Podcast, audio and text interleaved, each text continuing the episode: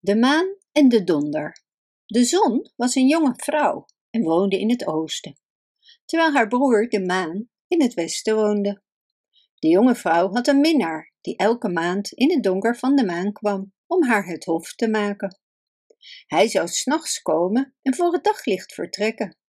En hoewel ze met hem sprak, kon ze zijn gezicht in het donker niet zien. En hij zou haar zijn naam niet vertellen maar ze vroeg zich de hele tijd af wie het zou kunnen zijn. Eindelijk bedacht ze een plan om erachter te komen.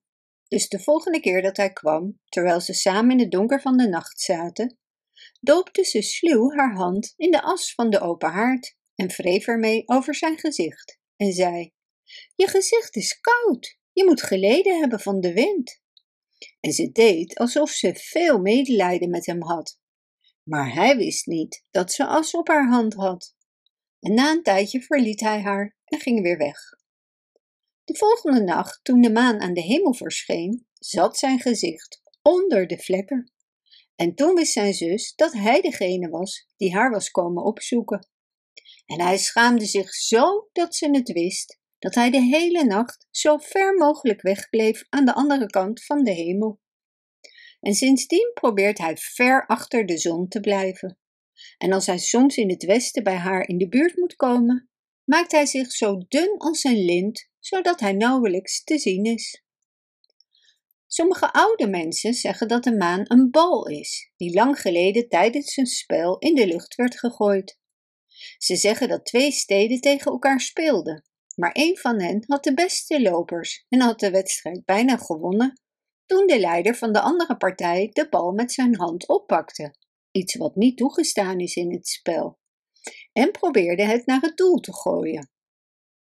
Maar de bal sloeg tegen het solide hemelgewelf en werd daar vastgemaakt, om spelers eraan te herinneren nooit vals te spelen.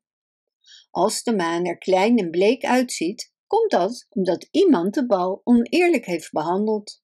En om deze reden speelden ze vroeger alleen bij volle maan. Wanneer de zon of de maan verduisterd wordt, is dat omdat een grote kikker in de lucht hem probeert op te slokken. Iedereen weet het, zelfs de kreken en de andere stammen.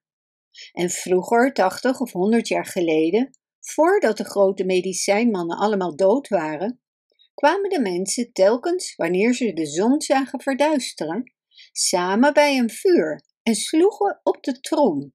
En dit zou snel de grote kikker afschrikken en de zon zou dan weer in orde zijn.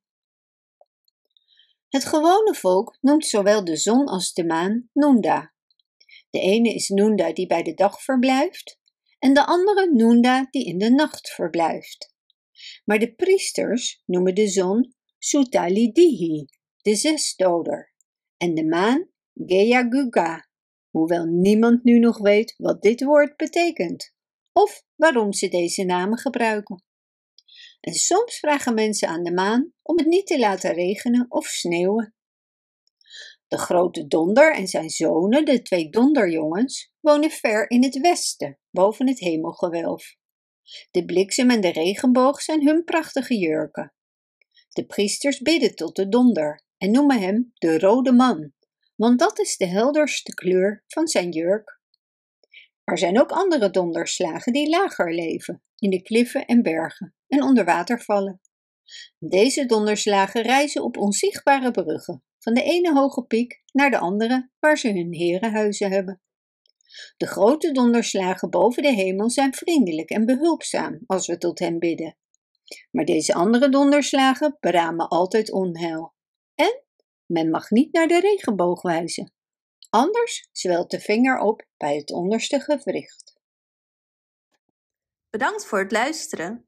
Wist je dat je dit verhaal ook op onze website ririro.com/nl kunt lezen, downloaden en printen?